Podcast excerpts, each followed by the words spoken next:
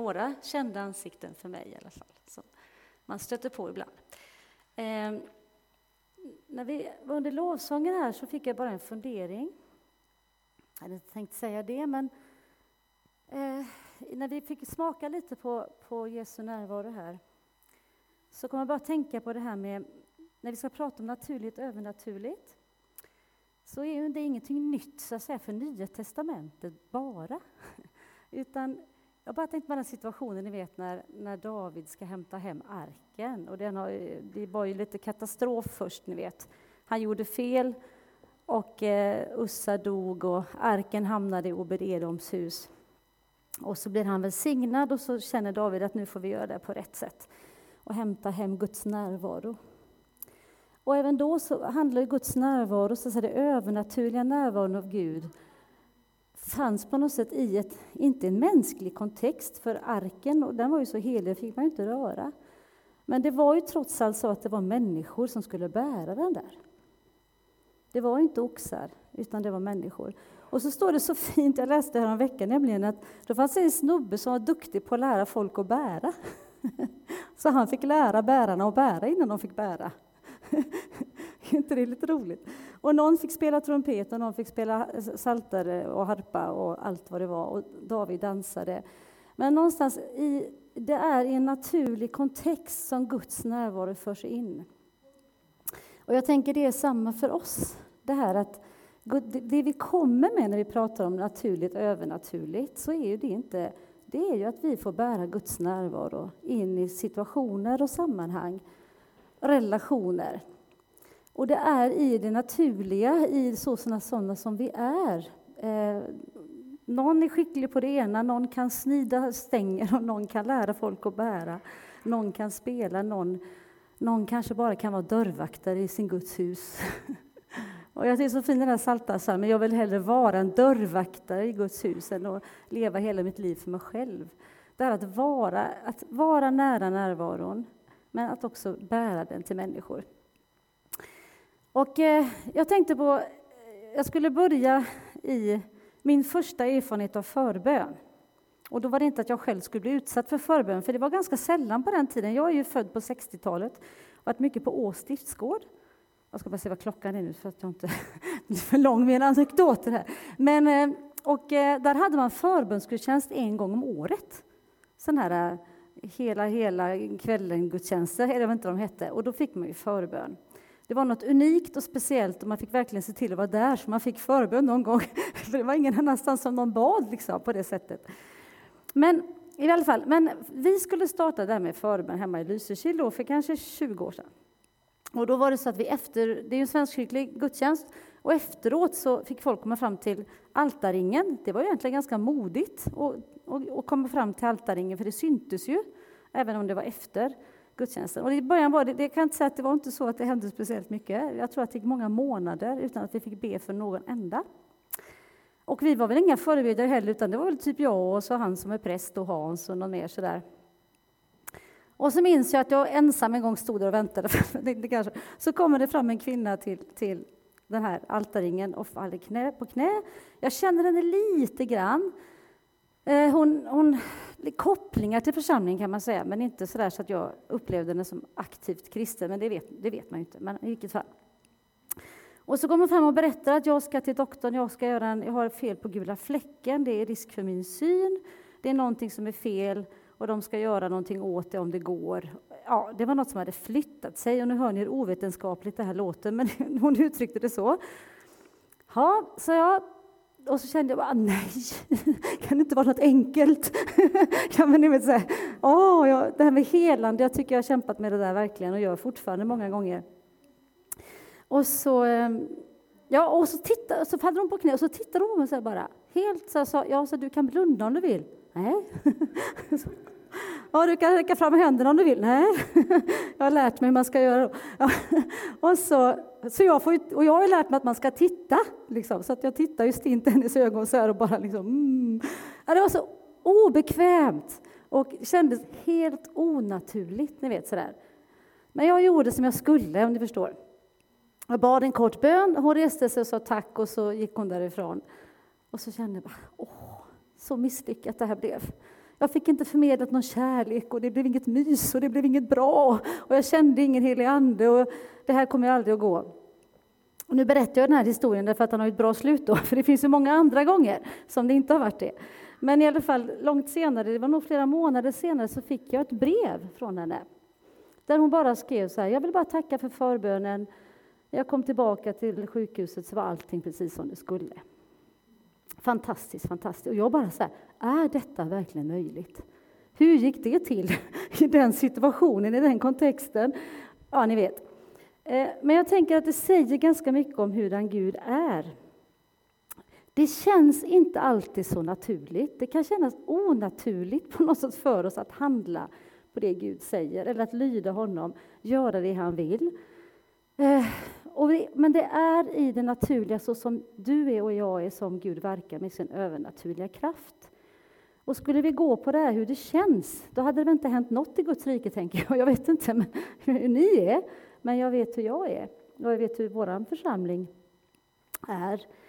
Eh, och jag tänkte bara, Guds rike, som är här närvarande genom Jesus, så tänker vi att när vi ska agera med det, eller jag tänker ofta så, att det är någonting svårfångat, någonting som jag borde syssla med. Jag borde vittna om min tro, jag borde be för de sjuka, jag borde känna mig glad. Jag borde, jag vet inte hur ni är, men det är som att det ibland blir någon sorts påbyggnad ovanpå mitt vanliga liv. Det är lätt att tänka så, att det skulle vara svårt det här med att gå i Andens kraft. Eller att det, och när det funkar i vissa perioder, man känner sig lite så här pepp, då tycker man bara det här är ju fantastiskt och livet med Gud är ett äventyr, men det är som att det går över. Det är liksom som stunder, då och då. Men jag tänker ändå att, jag, att vi krånglar till det ibland. Och då tänkte jag bara på Nikodemus, det är en text som vi har hört massor med gånger och ni har säkert dessutom hört massor med predikningar. Så att, jag tänker ni, ni, eh, det har ju jag med. Jag blev kristen när jag var 13. Och eh, man har ju hört det mesta, eller hur? Men Guds ord är verksamt fortfarande. Jag ska bara läsa kort här om Nikodemus. Eh, bland fariseerna, och nu är Johannes 3, förlåt, vers 1. Bland fariseerna fanns en man som hette Nikodemus, en av judarnas rådsherrar. Han kom till Jesus om natten och sa, Rabbi, vi vet att det är från Gud du har kommit som lärare. Ty ingen kan göra sådana tecken som du gör, om inte Gud är med honom. Jesus svarar, Amen, amen säger jag dig, den som inte blir född på nytt kan inte se Guds rike. Och så kommer den här diskussionen med Nikodemus om hur ska man kunna födas på nytt och komma in i, ni vet, allt det här. Eh, och, och då har Jesus egentligen på ett sätt gett Nikodemus ett nonsenssvar. Det har han ju inte, men man kan tycka det först. Därför att han söker sig till Jesus för att han har sett någonting. Han tänker det här, det här jag ser nu, som han gör, det, Gud måste vara inblandad här. Han känner igen någonting ifrån skrifterna, eller hur? Han var ju skriftlärd. Han känner igen något i Jesu liv som han vet att Gud har talat om. Han känner igen en närvaro som redan finns i skrifterna. Eh, och, så, och så leder det honom till Jesus. Jag tänker det funkar väldigt mycket så överhuvudtaget. Vet du, när vi bara får bära Guds närvaro till människor så är det någonting som leder dem till Jesus. Man ser någonting som man... Det där, liksom. Det, det är som att det blir som snitslar på vägen till frälsningen. så här. Men i alla fall, men vad Jesus svarar med är ju det här, han förstår ju att, att Nikodemus har en sån längtan, inte bara efter att förstå, han var ju skriftlärd, han ville ju förstå, tänker jag. Men han ville ju på något sätt tro.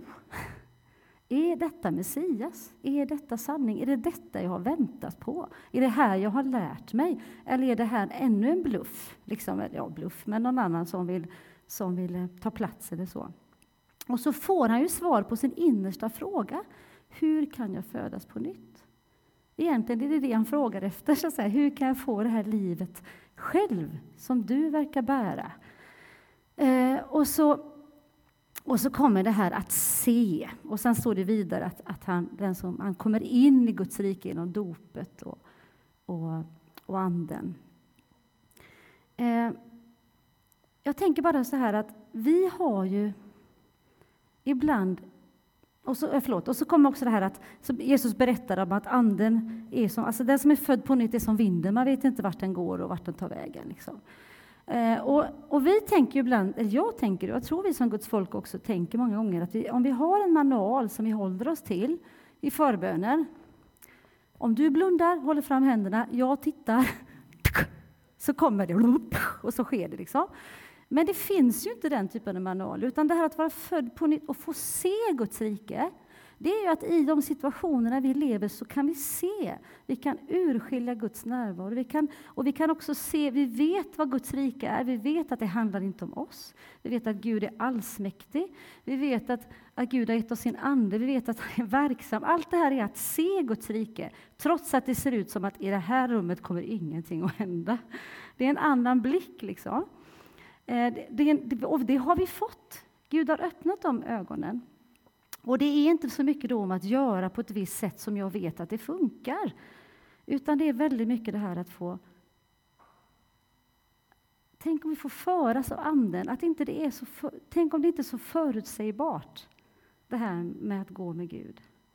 Så, så många gånger att det är, eller som det många gånger blir. Eh, vi är ju en ny skapelse. I Andra Korinthierbrevet 5 står ju det. Det kanske inte känns så mycket, men, men vi blir det. Och nu ska jag vilja att ni ser på en bild. Och nu får Thomas Seidal, jag har sett här idag, nu får du överseende med min, med min tolkning av den här bilden. För det här är en, en, ett DNA, en DNA, mm, vad det nu heter. Och allt jag kan om celler, det har jag lärt mig av Thomas när han har varit på vår bibelskola. Och det är så här lite. Men ni vet, vi har celler eh, i vår kropp. Och han kan snart få rätta mig när jag säger fel, men i vilket fall. Och I dem finns en cellkärna och där finns ett DNA, en kod ni vet, som gör att, att och de, de reproducerar sig. Så att när de för reproducerar sig och blir fler och så, så blir jag ju inte en annan person, utan de blir ju efter sin, de blir ju jag, så att säga. Det är min kod i min kropp. Hjärtcellerna blir, de fortsätter vara hjärtceller. Du, du kan, ja, han får nicka, Thomas säger liksom, hudcellerna fortsätter, att producera, alltså det fortsätter producera hudceller. Ja, ni förstår. Det reproducerar sig på något vis. Och då tänkte jag bara så här, och det här är ju en bild för att jag ska förstå. Det här är ju inte sanningen nu då, men jag tänker den kanske kan hjälpa någon annan att förstå också.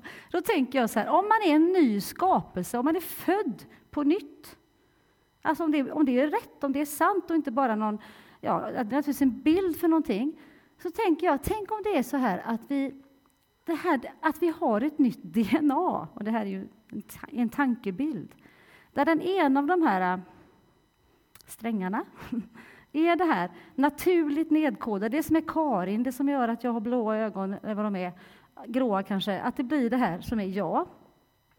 Tänk om det är så här i den här nya födelsen, att Gud här, i vår ande har planterat in ytterligare en DNA-sträng som, liksom, som går runt så här med den, så här funkar det ju inte, men ni förstår, som, som samverkar med min, som är Alltså, du är en ny skapelse. Guds närvaro finns i ditt liv. Du har fått den helige Ande. Och detta är någonting som reproducerar sig i dig. Det är någonting som delar sig, det är någonting som fortsätter. Egentligen är det ju Jesus. Han, alltså, om Gud hade tyckt att det mänskliga hade varit något obehagligt och fel, då hade han ju förstås inte skapat människan. Och för det andra hade ju inte Jesus blivit människa, ordet blev kött. Det är något fantastiskt med att vara människa och vara naturlig och vara sig själv.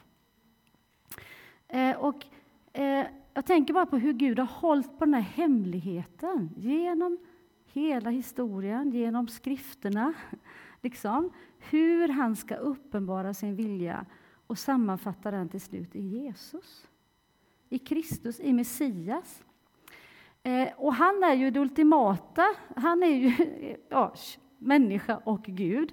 Men det här, tänk om det är så att någonting har blivit nedlagt i oss i en ny skapelse som, är, som fungerar av sig själv, som är av Gud. Nu kan ni glömma den bilden och så får ni prata med Thomas sen för det här, hur det egentligen är. Men i alla fall. Men Eh, då tänker jag så här, om, det nu, om vi tänker på den här eh, övernaturliga strängen, där finns ju det här livet som pågår. Där, eh, och när man, det, bara, det fungerar av sig själv. Ni vet, man blir frälst och så plötsligt så, så, så ser man Guds rike. Man, man vittnar om Jesus.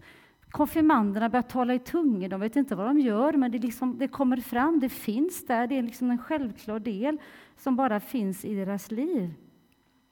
Man, eh, vi hade en konfirmandtjej, hon var väl kanske inte konfirmand, det var väl året efter, och hon var från en muslimsk familj, eller är från en muslimsk familj, och hon, hon kom till tro på Jesus och eh, hennes pappa hade så mycket smärtor i kroppen, och hon la handen på honom och bad, och han blev frisk varje gång. Liksom, så det kom liksom naturligt, ni förstår. Men så tänker jag att det är som att på vägen sen så är det ungefär som med det andra, om vi tar vår mänskliga sträng, ja, det naturliga. Ni vet, man föds, man växer till, man lär sig krypa, man lär sig tala, det kommer liksom naturligt. Man, man, ja, man får ju kämpa, men det är inte så att barnet tänker efter, tror jag i alla fall inte. Nu ska jag krypa, utan det är ju någonting som, som, som händer på vägen, när allting är som det ska. Men så kommer man till en punkt inte vet jag när den är. Plötsligt märker man så här i skolan, jag kan inte läsa lika bra som de andra barnen. Plötsligt är det inte bara roligt och självklart. Det är inte bara någonting som funkar, utan man börjar märka att det ställs krav på mig nu att jag borde vara på ett visst sätt. Eller jag borde... Ja, ni vet. Och så blir det krångligt med det som egentligen är, finns som en naturlig kraft i människan. Och jag tänker att det är på något sätt på samma sätt med det här som Gud har lagt ner i våra liv, som egentligen är övernaturligt och som skulle ändå få, bara få finnas och växa till. Men så börjar vi att kämpa lite med det där. Det, det är som att det blir någonting som jag borde kunna, någonting som de andra säkert kan bättre än jag, någonting som, ja ni vet, eh, som jag inte riktigt förstår och jag känner att jag inte riktigt och, och, jag, och jag havererar kanske i det för att det blir som en börda eller någonting som är besvärligt. Men det är nedlagt i våra liv. Den kraft som uppväckte Jesus från de döda är ju verksam i våra liv, säger Efesierbrevet 1. Det känner man ju inte till vardags. Kanske inte ibland, men inte så där jätteofta. Eh, det är någonting som ändå är nedlagt i våra liv. Eh, och jag tänker då, vi får vara naturliga, vi får vara oss själva. Eh, Gud har klätt oss i naturlighet. Har ni tänkt på det? Det är väldigt besvärligt när vi blir onaturliga. Liksom plötsligt så, om jag ska försöka vara annorlunda här och bli lite onaturlig, som inte är jag. Jag tror att ni märker det. Man märker när människor blir beter sig på ett sätt som, man, som, vi, som de tror att man förväntar sig. Gud har iklätt människan med en naturlighet att vara sig själv. Att vara bekväm i sin kropp, att vara bekväm med sitt språk, att vara bekväm med sin röst, att vara hemma i sig själv. Det är skapelsegivet och gott, tänker jag. Eh, det konstiga blir då om vi ska göra Guds rikes gärningar och plötsligt blir onaturliga. Eller liksom... Eller ni vet, eller vad det nu är, att vi liksom... Eller nu ska det kännas någonting här för att vi ska kunna agera. Eller vi som leder församlingar börjar lite grann piska på, för nu tycker vi att det är lite långsamt här. Kan vi få lite mer fart i lovsången, eller vad vi nu, vad vi nu försöker? Någonstans när vi, när vi tror att, när vi tror, fastän det inte är sant, att ska det, Guds kraft vara verksam i oss, så måste vi vara på ett annat sätt. Och jag tror att det är det mest av... Hmm, det som snitslar människor minst till Jesus, om jag säger så, är när kristna blir konstiga. Blir avskräckande. Och då menar jag inte att vi inte får liksom tillbe med lyfta händer, för det kan ju vara avskräckande för människor. Det hör vi ofta, vi som är i Svenska kyrkan, så kommer det ganska många till oss som kanske inte är så vana att gå i kyrkan och som är där för att de har sorg eller så. De kan ju tycka att det är jättekonstigt, vissa saker vi gör. Men, men är det naturligt, eh, så är det inte så konstigt ändå. Men när, när människor märker på oss att vi blir onaturliga, konstiga, konstlade, försöker göra oss större och bättre än vad vi är, eller använda oss av någon sorts manual som gör att vi känner oss trygga, så tänker jag att det många gånger bara får hindra människors förmåga att ta emot det Gud vill göra. Eh, I söndags var det en som vittnade hemma hos oss utifrån det här med hur Gud talar då i det naturliga. Och jag vet när jag var, typ när jag var tonåring så tyckte jag det med att höra Guds röst, och alla pratade om att vi ska lära oss att höra Guds röst. Jag tyckte sluta prata om det för jag hör inte. hur går det till liksom? Eh, jag tyckte det var så jättejobbigt tills jag förstod så småningom att de här små tankarna jag fick och maningarna eller ett bibelord som lyste fram att det där var Gud. Att lära sig urskilja det. Men i alla fall, det här att är, Gud talar så i det naturliga. Och vi hade en kvinna som vittnade i söndags. Var du där då, Frida? Nej, Nej spelar ingen roll. Eh, hon, och då hade hon eh, Eh, vi brukar dela kunskapens ord under gudstjänsterna hemma, så att vi bjuder till förbön och så. Eller, vi har frågat Gud innan, är det något speciellt som vi ska göra idag? Och då hade jag fått bara en tanke eh, en gudstjänst, att någon kämpade jättemycket med mardrömmar. Och inte bara att man hade mardrömmar, utan riktigt som levande, starka, svåra mardrömmar som man bar med sig in i dagen. Men jag var inte förberedd den gången, jag vet inte vad jag gjorde där, men jag, jag kände bara ja, ja, jag ska säga det liksom. Ja, jag säger det. Så gjorde jag det. Eh, och så hade hon, eh, precis den här perioden då, berättade hon i söndags, kämpat enormt mycket med jättesvåra mardrömmar. Hon levde i skräck för att gå och lägga sig. Hon gick till förbön, Gud handlade i det. Veckan efter kom hon till kyrkan och då hade någon annan fått ett, ett tilltal om, eh, om dödsskräck. Och hon berättade lite om det i söndags då, om hur, som hade med hennes familj att göra. Och där så hade hon gått till förbön för det. Och så bara hon vittna enkelt om, efter de här två gångerna nu, så har Gud befriat mig ifrån det här. Och det finns, hon uttryckte som, jag har en frid som går ända ner i magen. Och ni vet när man är orolig eller då sätter det sig ju här eller där eller här. Men hon var liksom bara erfor Guds frid på de områdena som hon eh, hade kämpat med. Och det här vet ju ni. ni. Det är ju inget nytt för er. Men jag tänker igen det här hur, hur de små tankarna, de naturliga, det vi lägger märke till, det vi ser, hur Gud talar genom det och hur Guds rike bryter fram genom det. Vårt naturliga sätt att förstå. Ja, man kan ju tycka att det kanske inte är naturligt, för det är på ett sätt övernaturligt, men ändå hur Gud verkar i detta. Eh, och så blir jag så uppmuntrad när vi läser Johannes här att det här är för alla Guds barn. Alla som är födda på nytt kan se Guds rike. Så när vi kommer in i ett rum eh, så behöver vi inte bara stämma av så att säga, hur ser omständigheterna ut på jobbet idag? Är det mycket att göra? Är folk stressade? Är de på dåligt humör? Hur ska vi få det här mötet att fungera? Hur ska jag liksom göra? Utan vi kan också i det sammanhanget se, här i det här rummet är Gud närvarande. I det här rummet kan Guds vilja ske. I det här rummet så kan Gud leda och inspirera oss till vad han vill. Jag kan få vara någon som kommer med Guds frid in i en situation. Du kan få vara någon som förlöser ett ord som gör att situationen öppnar sig. Ni vet, därför vi kan se Guds rike. Vi är en del av Guds rike och vi är bärare av denna närvaro i vårt liv. Eh, jag ska sluta med en tanke som jag har sugit på ett tag. Men ni är med mig, naturligt, övernaturligt. Eh, Självklart inympat i våra liv. Romarbrevet 5. Guds ande är utgjuten in i våra hjärtan. Eller så in i våra hjärtan, utgjuten i våra hjärtan. Vi är bärare av det här. Det är inte bortanför oss, det är ingen annanstans. Utan det är en källa som kan få, bara få, vi kan få ösa ur i vårt liv. Eh, men jag läste i Matteus 28 för ett tag sedan. Och det är när Jesus har uppstått. Eh, så står det, och jag har aldrig, det är så roligt, man har läst Bibeln hundratals gånger. Och så var det ett bibelord som jag, jag har aldrig ens sett att det står så förut. Så jag bara, har det stått här alltid? Ni vet, ni upptäcker ibland, det här har inte stått förut. Och ibland kan det bero på att de har ändrat översättning och så, där, så att det låter lite annorlunda. Men då står det i Matteus 28, och det här har säkert ni tänkt på, men i alla fall, eh, så här.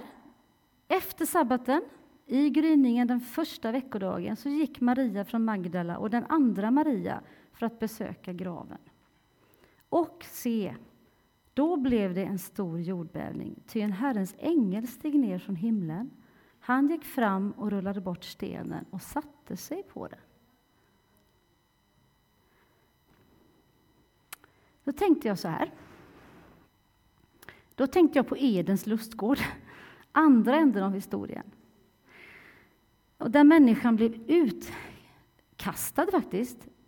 Eh, och där Gud placerar keruber och ett svärd som flammar av eld för att människan inte kan komma tillbaka den vägen.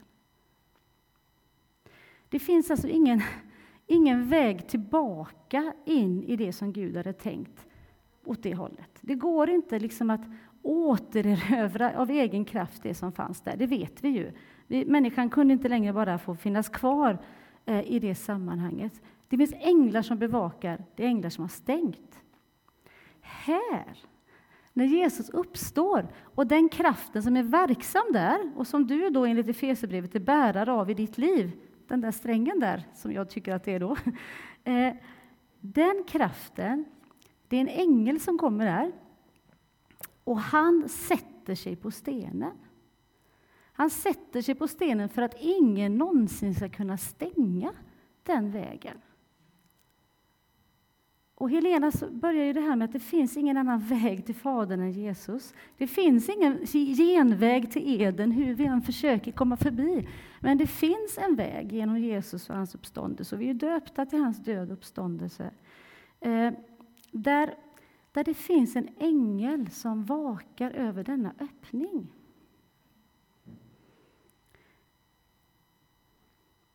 Det finns en ängel som, som vakar över denna kraft som är verksam. Det är ingen som kan komma och säga nej, det finns ingen uppståndelsekraft.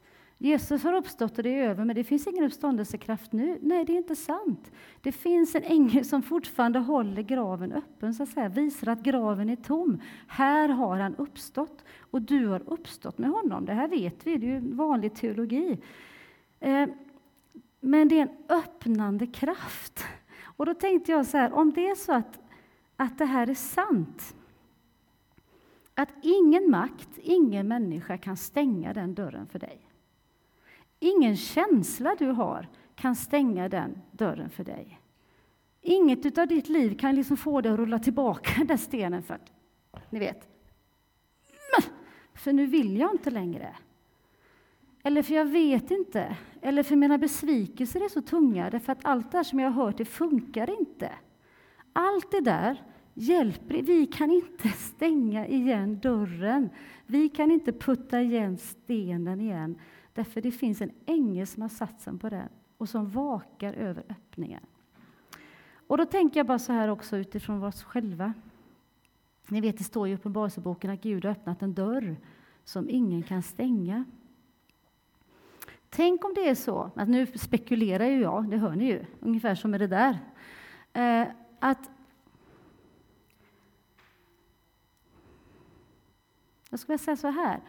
Tänk om det är så att när du kom till tro, eller om det är så att när jag och du kom till tro, så föddes någonting nytt här som gör att ditt hjärta kan se, ditt hjärta kan förstå. Du kan reproducera saker. Alltså andens frukt växer i ditt liv utan ansträngning från din sida. Anden och ordet verkar, alltihop det här. Eh, men också i det övernaturliga, och det är övernaturligt i sig att det finns kärlek i mitt liv istället för någonting annat. Men också den här kraften som verkar att när vi agerar med Gud, när vi ser hans möjligheter, när vi ser Guds rike och agerar så kan Guds vilja ske, det övernaturliga sker. Men tänk om det är så att i det här hjärtat så har Gud så rullat undan stenen när du föddes på nytt och ingen kan stänga den. Så här är det öppet, himlen är öppen, kraften, uppståndelsekraften är verksam och den är verksam också i ditt liv. Därför där är det inte stängt. Och jag, varför jag tjatar om detta nu beror nog på att jag kan ha känt många gånger i livet att jag öppnar och stänger, som om det vore upp till mig. Och så känner jag så här att nej, men jag har stängt nu, för jag orkar inte. liksom. Och det är en känsla jag har men faktum är att det finns en ängel, tror jag, säga, som vakar över mitt hjärta, över ditt hjärta. Det går inte att stänga. Och även om man känner sig milvis borta från att göra Guds vilja, eller att leva i det övernaturliga, eller det är något för de andra, liksom. ta de här som varit med förut, eh, så finns det någonting, någon som fortfarande vakar här.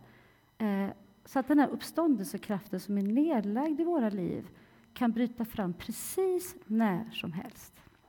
Precis i vilken situation som helst. Precis när vi behöver det, precis när vi inte tänkte det eller inte hade lust, om det nu skulle vara så. Eh, Gud har öppnat en dörr som ingen kan stänga. Och när jag kom hit så bara tänkte jag att det här är en församling som är väldigt mogen. Övermogen, nej, det menar jag inte alls. Utan vår, vår församling eh, består av många människor som kommer en period och så ramlar igenom. Och så är det säkert också här. Men jag bara fick en, en känsla här att det finns så mycket vishet i den här i ert arv och i det ni lever i. Det finns mogna, mogna kristna, om jag får säga så. Och som har levt med Gud mycket längre, med mig, eller mycket längre än mig och mycket kanske mer intensivt än vad jag har gjort. Och jag tänker att ni vet redan, ni är redan bärare av det här. Ni har sett så mycket av detta och av Guds kraft. Eh, och jag tänker att ni kan också bara i det få uppmuntra och lära varandra. Att ta rygg på varandra och dela mer av det som ni bär. Eh, för det finns så tydligt i det här rummet. Paulus fick ju be, nu ska jag sluta, eh, i Efesierbrevet att Gud skulle ge deras inre öga ljus igen. Eller hur? Det är ju som det här seendet som vi fick när vi föddes på nytt. Att kunna se Guds rike och dela med oss av Guds rike. Eh, att det ibland slocknar. Omständigheterna, livet, pressen, sorgen, bekymren, ja ni vet. Han ber igen att, att, att Gud ska ge vårt inre öga ljus så att vi kan se igen. Se det som det verkligen är. Se det som den där strängen i vårt inre faktiskt vittnar om att vi är Guds barn, att vi har den heliga Ande, att vi har ett arv och att vi får gå med det i vårt dagliga liv. Så jag tänker att vi kanske kunde få be också idag i förbönen eh, när vi känner att det möjligtvis har slocknat lite eller att vi behöver få fångas av den här vinden igen som gör oss flexibla och som gör oss följsamma och som gör att vi vågar agera i situationen när vi, när vi ser igen då en liten öppning eller en inbjudan till att få, få dela den övernaturliga kraften som finns i Gud. Ja, jag tror jag stannar där. Jag har med mig Frida här som är från Lysekil, eller hon är från Kalmar, eller hon är från Småland. Ja, hon är härifrån trakterna en gång i tiden. Nej, hon eh, är, bor i Lysekil nu och är förbundsledare. Och, eh, har du något som du vill dela? Ja, gött.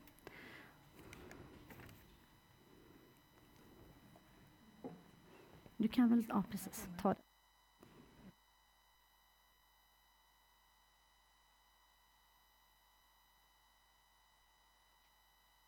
Hallå? Oj, där. Eh, vi träffades lite och bad här innan gudstjänsten. Eh, och jag bara blev väldigt påmind om, och även i, i vår församling och jag tror i många församlingar nu efter den här liksom, perioden som vi har levt i, som har varit lite speciell. Vi har inte riktigt firat gudstjänst som vi brukar och vi har liksom eh, men så har jag bara väldigt, väldigt starkt känt att Gud säger att se, jag gör någonting nytt. Jag gör någonting nytt. Eh, och, och, jag tror liksom att vi lever i en tid eh, som församlingar och som också, också liksom vi var och en. Eh, att det här har lite omkullkastat liksom hur saker och ting har varit och hur eh, vi har tänkt kanske. Och plötsligt så står vi liksom inför någonting som vi aldrig har gjort förut. Eh, och, och jag tror liksom att Gud i den här tiden kallar oss till liksom att få sätta oss ner vid hans fötter.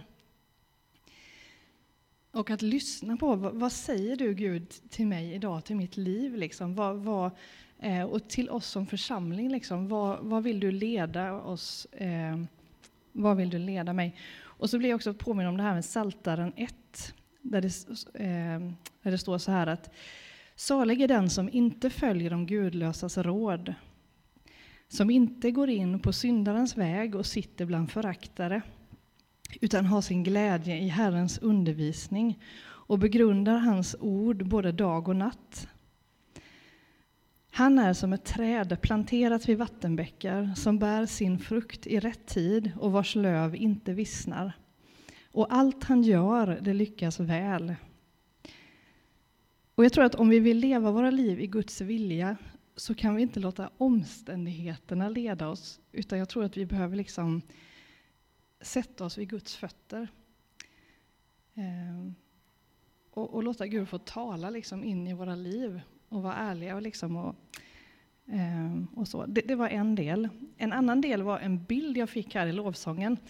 Eh, och det var faktiskt ett program som jag såg av en man som jobbade med trä. Han jobbade med såna gigantiska stora träd och gjorde olika saker. Ehm, och det här var liksom en, det skulle bli som ett bord. Så det var en sån här jättetjock träskiva, liksom, gammal, väldigt sådär maffig. Liksom. Ehm, men så var det lite håligheter. Alltså trädet, du vet när man liksom skar ut det, man försökte ta tillvara på så mycket som möjligt, men det blev ändå lite håligheter, lite ojämnheter, eh, lite sprickor liksom, i den här träbiten. Eh, men så använde han någon resin, jag vet inte vad det heter på svenska, men, men alltså någonting som han hällde ut över den här träbiten som, som fyllde alla ojämnheter och alla håligheter och sprickor. Liksom, så att det här blev ett helt bord. Det blev liksom ett blankt, och man såg ju ändå trädet, liksom, man såg ju liksom allt det här, men, men det blev liksom helt. Eh, och jag tror att det var en bild som jag fick av den här församlingen. Eh, och jag vet inte, och jag bara fick liksom de här orden att eh, att Gud liksom kommer att, det är en helhet, han kommer att göra det helt och att många kommer att sitta runt det här bordet och få äta. Mm. Eh, ja, och till gemenskap. Ja, nu blir jag så här. Men det var en väldigt stark bild. Mm. Ehm, mm kan väl, vi kan väl bara be 30 sekunder eh, tystnad. Och sen ska det ju vara förbön och lovsång och tillbedjan här. Eh, men om vi väntar på Herren i 30 sekunder och